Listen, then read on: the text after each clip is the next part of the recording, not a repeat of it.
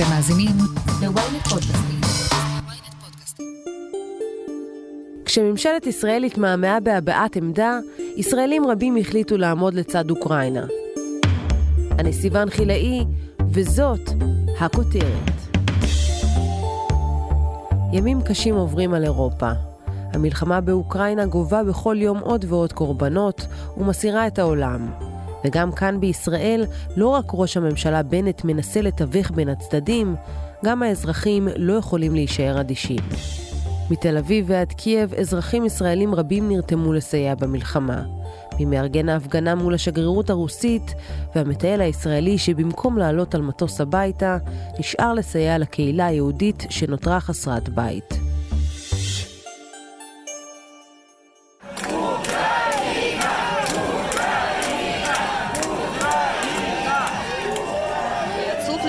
שבמדינה איפה אני נולדתי, עכשיו מלחמה, וממש כואב לי הלב, אני לא יכולה... מקסימום שאני יכול, אני יכול לתרום כסף ואני יכול לבוא להפגין ולהגיד את דעתי.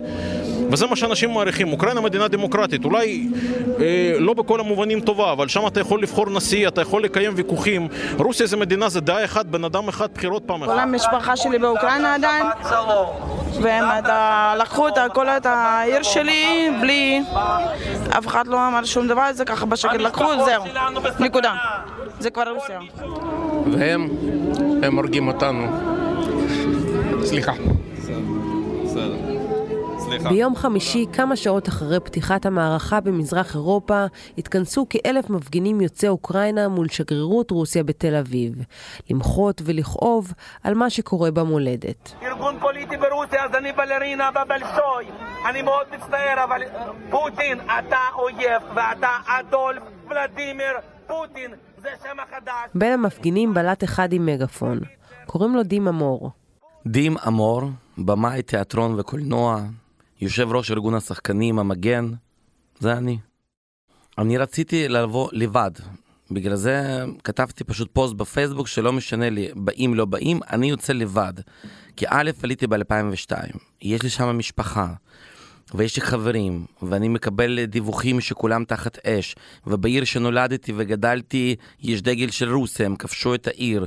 אז הפוסט שלי הגיע פשוט להרבה אנשים, ואני כתבתי, לא יודע מה איתכם, אני לא יכול להיות אדיש, אני עולה. כל מי שרוצה לבוא, תצטרפו. אני יודע שיש לי 5,000 חברים בפייסבוק, רוצים לבוא, תגיעו. לא רוצים, אני הולך לבד עם פלקט, עם דגל של אוקראינה, חולצה של אוקראינה, אני פשוט הולך לבד לשגרירות רוסיה. ואז הלכתי, פתאום אני עם קולט שהגיע לשם הרבה אנשים וכל אחד מחבק. זה פשוט הגיע לוויראלי, הפוסט שלי.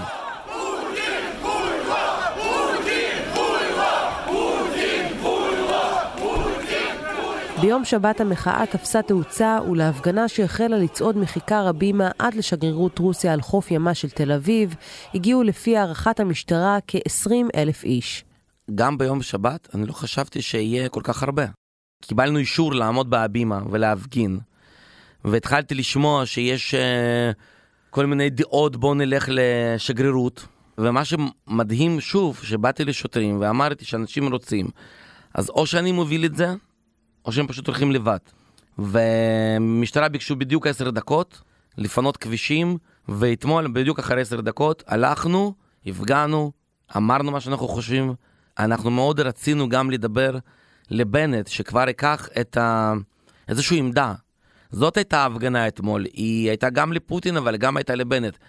זו פעם הראשונה שהרגשתי שאנשים אה, לא אדישים, היו צברים, היו בלרוסים, גיאורגים, רוסים, אוקראינים, היו כולם, פשוט כולם היו ביחד. ולמה הגיעו? כי לחלק יש חברים, לחלק יש משפחה, חלק לא אדישים. אנחנו מבינים שאתמול הייתה גיאורגיה, היום זה אוקראינה, ומחר זה יכול להיות ישראל, או לטביה, או אסטוניה, או טורקיה. אז אנשים פשוט לא אדישים, כי אנשים מבינים שזה מחר יכול להיות פה. אני מאוד גאה שיש לנו פה זכות להביע את הדעה. לדבר, ואף אחד פה לא עוצר, כמו שבמוסקבה וסנט פטרבורג יצאו 200 אלף אנשים, 20 אלף עצרו, הרבה נהרגו באירוע הזה. זאת אומרת, לנו נותנים פה לדבר, ופוטין צריך להבין. לאמור יש היסטוריה עם משטר פוטין וכבר שנתיים שנאסר עליו להיכנס לרוסיה. אז אה, קודם כל אני התחלתי לצלם סרט שנקרא גולות, שזה רעב, זה השואה שסטלין עשה לאוקראינים בין אה, 1932 ל-1933. בשנה אחת מתו 10 מיליון אזרחים, זה, היו שם יהודים, היו שם רוסים, אוקראינים, פשוט מתו כי הם רצו חופש והם לא רצו להיות תחת שלטון של סטלין. ואז אה, התחלתי לכתוב תסריט, וברוסיה קיבלו את זה מאוד לא יפה. אחר כך אני פתחתי 59 הליכים פליליים נגד פיליפ קרקורוב, דימה בילן, זאת אומרת הזמרים ואמנים מאוד גדולים באוקראינה, על זה שהם מופיעים בקרים באופן בלתי חוקי ובניגוד לחוק האירופאי והחלטות של או"ם. וכשבקייב החליטו לפתוח הליך משפטי, זאת הייתה כמובן בשבילי כבר א' סכנה וב' הם כבר אמרו זהו, אין לו כניסה. גם הזמינו אותי לשגרירות אוקראינה, כי יש לי גם אזרחות אוקראינית, והשגריר אמר שמאוד מסוכן בשבילי לטוס, כי אני יכול להפוך לנעמה יששכר נאמבר 2. מפחיד. כן, וגם במשרד הפנים הזמינו ואמרו שתקשיב, אנחנו יודעים שבשבילך זה מאוד מסוכן לטוס לא רק למדינה הזאת, גם לבלרוס. ולמדינות שמשתפות פעולה עם רוסיה, זאת אומרת שאם ברוסיה יש החלטה לעצור, אז הם יעשו את זה בכל מדינה שמשתפים את הפעולה.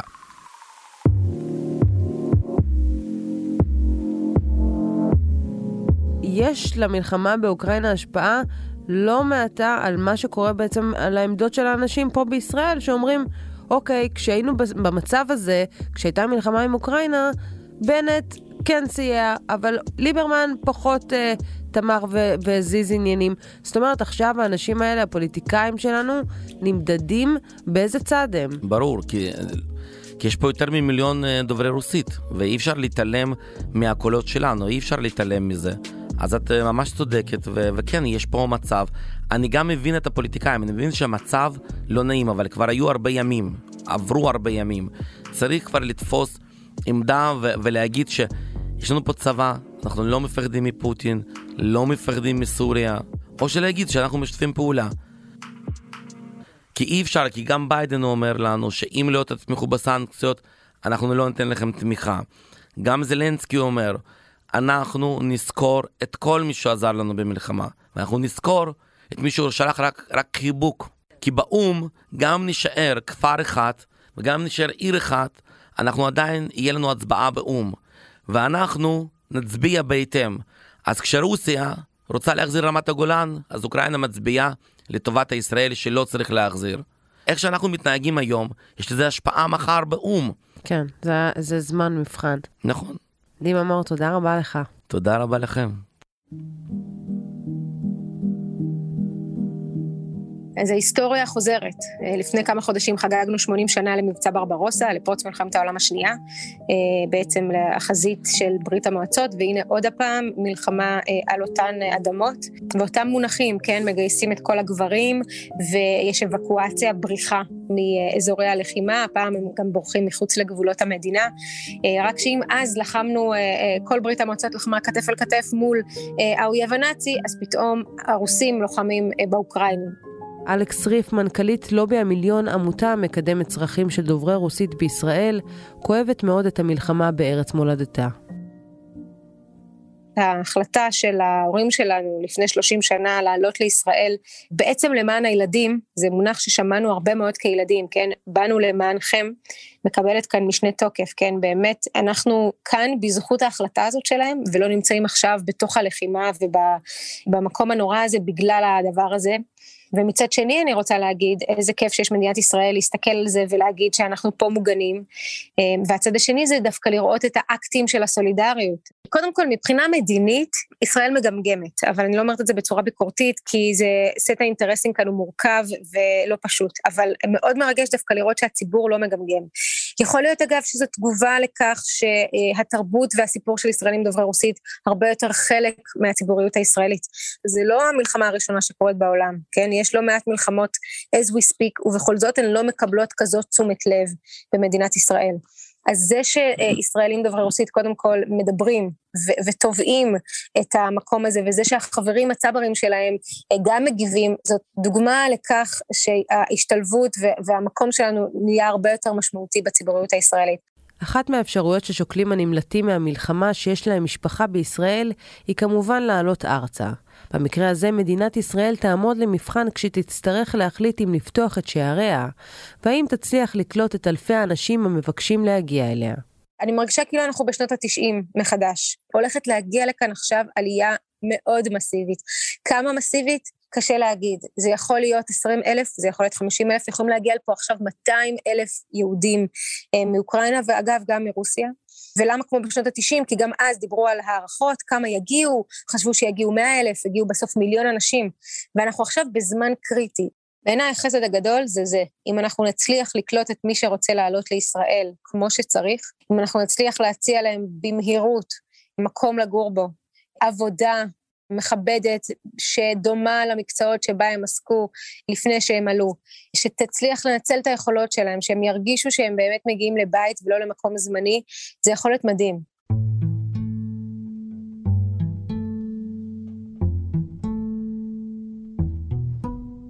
ובמרחק אלפי קילומטרים מישראל נמצא שמואל במערב שליח לצד הפולני של הגבול, ושמואל מצא את עצמו כפליט בארץ זרה, במלחמה לא שלו. אף אחד לא ציפה באמת שרוסיה, שהיא כביכול מדינת אחות של אוקראינה, תעשה את זה. באמת אף אחד לא ציפה, וזה באמת קרה.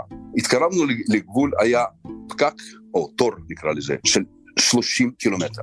זה תור שעומד בסביבות בין 35 ל-40 שעות. תושבי אוקראינה שהיו רגועים עד לפני שבוע ולא האמינו שצבא רוסיה באמת יפלוש למדינה, מצאו את עצמם נמלטים על נפשם. ברחובות יש ריח של אבק שרפה, לחלקם אין בית לחזור אליו, הכסף בכספומטים מזל, ובחוץ פקקי ענק אל תחנות הדלק. והמדינה כולה הפכה לשטח אש. מראות שאני לא תיארתי לעצמי שאראה אי פעם בחיים. ברצינות, לא חשבתי שאראה אי פעם בחיים. רכבים שעומדים לצידי הכביש, ילדים שמתרוצצים בין רכבים, אנשים שמתגנים איזה בשר או אוכלים איזה קופסאות שימורים, בלי שירותים, בלי מים, בלי מים חמים, זה בלתי נתפס. אנחנו בארץ, לימודי מלחמות, אני לא חושב שבכל חמישים שנותיי בארץ, אי פעם חשבתי שאני אהיה פליט.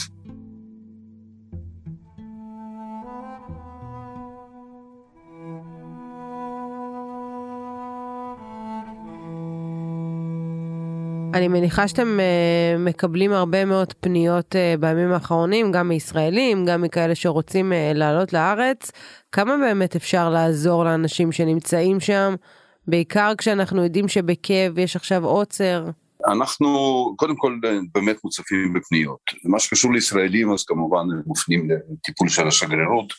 אנשים שמועמדים לעלייה או כאלה שיש להם ויזות, יש באמת הרבה מאוד פניות. אנחנו יכולים לטפל רק באלה שכבר באיזושהי דרך הגיעו למערב אוקראינה או שמתכוונים להגיע, למרות שנגיד מקייב יש עוצר גם באזורים מזרחיים יותר, שיש קרבות, גם בדרום, באזור ניקולאי ואודסה, כך שההוצאה של אנשים שרוצים כרגע די מסובכת. לכן כל מי שהגיע לאזור לבוב ומועמדים אה, לעלייה, אנחנו עוזרים להם כמה שאנחנו יכולים להגיע הצד הפולני ולנסות להוציא אותם דרך ורשה.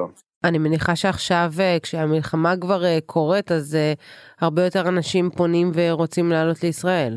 בהחלט, גם לפני שבוע כשכבר היה ברור שהמתח הוא באמת בשיאו, עדיין היו פניות מעטות מאוד. ברגע שהתחיל האש, שזה התחיל, קרה ביום חמישי, כמות הפניות uh, עלתה במונים. כמובן, אה, לא לכל הפניות אנחנו יכולים לענות, לא לכל הדברים אנחנו יכולים לעזור, אבל, אבל הרבה פניות.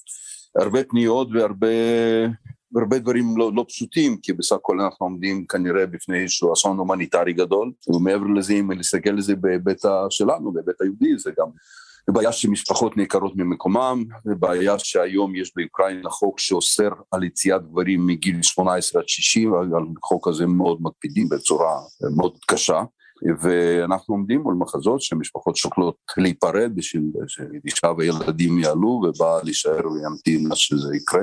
כמה באמת אתה רואה שיש התגייסות אה, מצד הקהילה היהודית שם לעזור, לקחת חלק? עד כמה הקהילה היהודית עכשיו היא זאתי שמתפקדת ומזיזה שם את העניינים, אם זה להתפנות למקום אחר, או באמת אה, לעזור לאחרים בהליך הזה של אה, עלייה לישראל, מי שרוצה כמובן.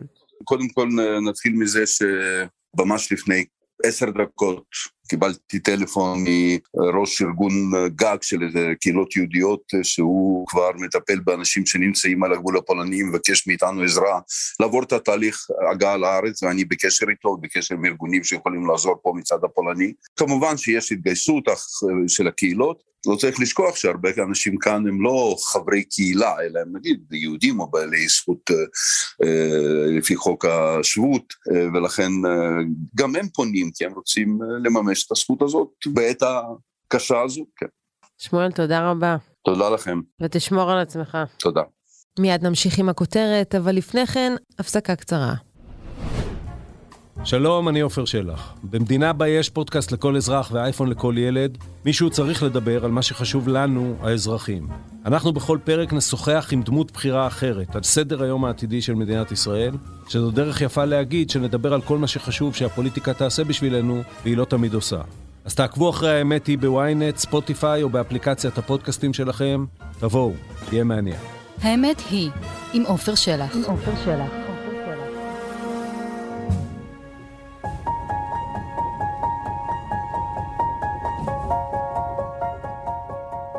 אני כביכול, אני יליד המקום פה, תמיד עזרתי לקהילה יהודית, וכשהגענו רצינו לבלות פה והכל, ואז אה, לאחר שבוע אחרי שרותם הגיע, התחיל הבלאגן במזרח.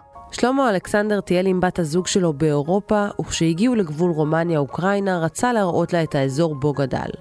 כשהחלה הלחימה במדינה, בני הזוג החליטו להישאר ולהעניק עזרה לקהילה היהודית בעיר צ'רנוביץ'. בעצם ציפיתי שיכול להיות משהו כזה, ואנחנו קרוב לגבול וכביכול חשבנו שאנחנו, אם יהיה משהו אז אנחנו נצא מפה.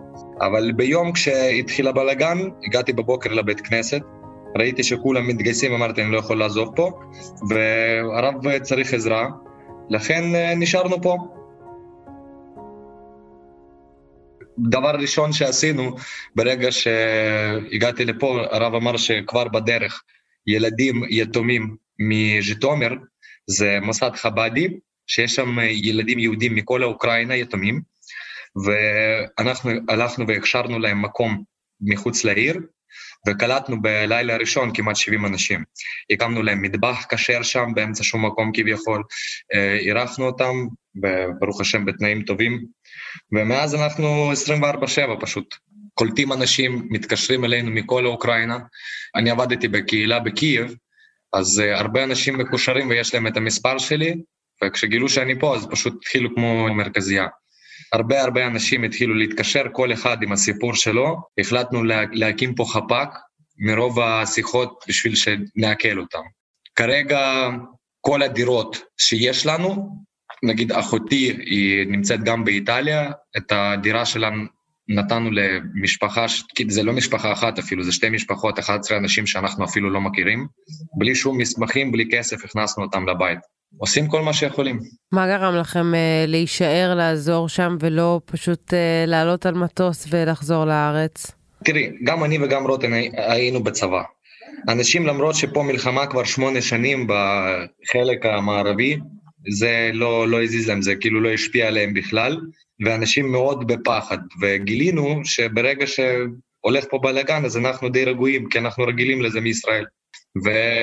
והאמת שהכי הכי, מתי הרגע היה שאמרתי אני לא יכול לעזוב פה בשום פנים ואופן, זה כשהגיעו הילדים, וכשנסענו לשם להקים את המטבח, מנדל אמר שבדרך ניקח גם uh, טיטולים, פמפרס. בגלל שיש תינוקות, תינוקות שהיו 30 שעות בדרך, ולהפקיר את האנשים האלו אי אפשר. אני לא יודע, בן אדם שאין לו לב, היה יכול uh, לעזוב פה. אז אתה אומר, אה, מצער לדעת שעכשיו כל אוקראינה, מי שנמצא שם uh, ולא נלחם, מצא את עצמו פליט שפשוט צריך לנוס על נפשו. לא רק פליט, לא רק פליט, אני אגיד לך, הם גם פליט, אי אפשר להגיד שהוא פליט, כי ברגע שהוא במצב רגוע, שהמשפחה שלו בביטחון, כולם רוצים לעזור. יש לי בן דוד שהסיע את המשפחה שלו מחוץ לאוקראינה וכבר התקשר אליי שאני אשיג לו קלצ'ניקוב, הוא רוצה להילחם. כולם ממש ממש מגובשים. כולם נותנים יד. יהודים, לא יהודים, כולם. תודה שלמה, תשמרו על עצמכם. תודה רבה לכם. לא פעם עולה השוואה בין המלחמה הזו למלחמת העולם השנייה. איך חפים מפשע מתו על לא עוול בכפם, בעוד שהעולם עמד מנגד. הימים הראשונים של הפלישה הרוסית לאוקראינה היו שקטים מדי, ובזמן שהפוליטיקאים לא עשו מספיק, האזרחים לא הסכימו להישאר אדישים. הם מבינים שאסור שההיסטוריה תחזור על עצמה, והפעם יש להם את הכוח לעצור לפני שיהיה מאוחר מדי. עד כאן הכותרת להפעם. אתם מוזמנים לעקוב אחרינו בוויינט או איפה שאתם שומעים את הפודקאסטים שלכם. אם זה קורה בספוטיפיי או באפל פודקאסט, אתם מוזמנים גם לדרג אותנו ולהאזין לפרקים נוספים שלנו על המלחמה באוקראינה. אחד מהם הוא חלשים מול פוטין, על שתיקת מנהיגי המערב בזמן הלחימה. וכמו בכל פעם, אל תשכחו לשלוח את הפרק לחבר שעדיין לא שמע את הכותרת של היום. עורך הפודקאסטים הוא רון טוביה, גיא סלם סייע בעריכת הפרק, דניאל עמוס הפיקה. על הסאונד ניסו עזרן, עטילה שומפלבי הוא גם חבר בצוות הכותרת. אני סיון חילאי, ניפגש בפעם הבאה.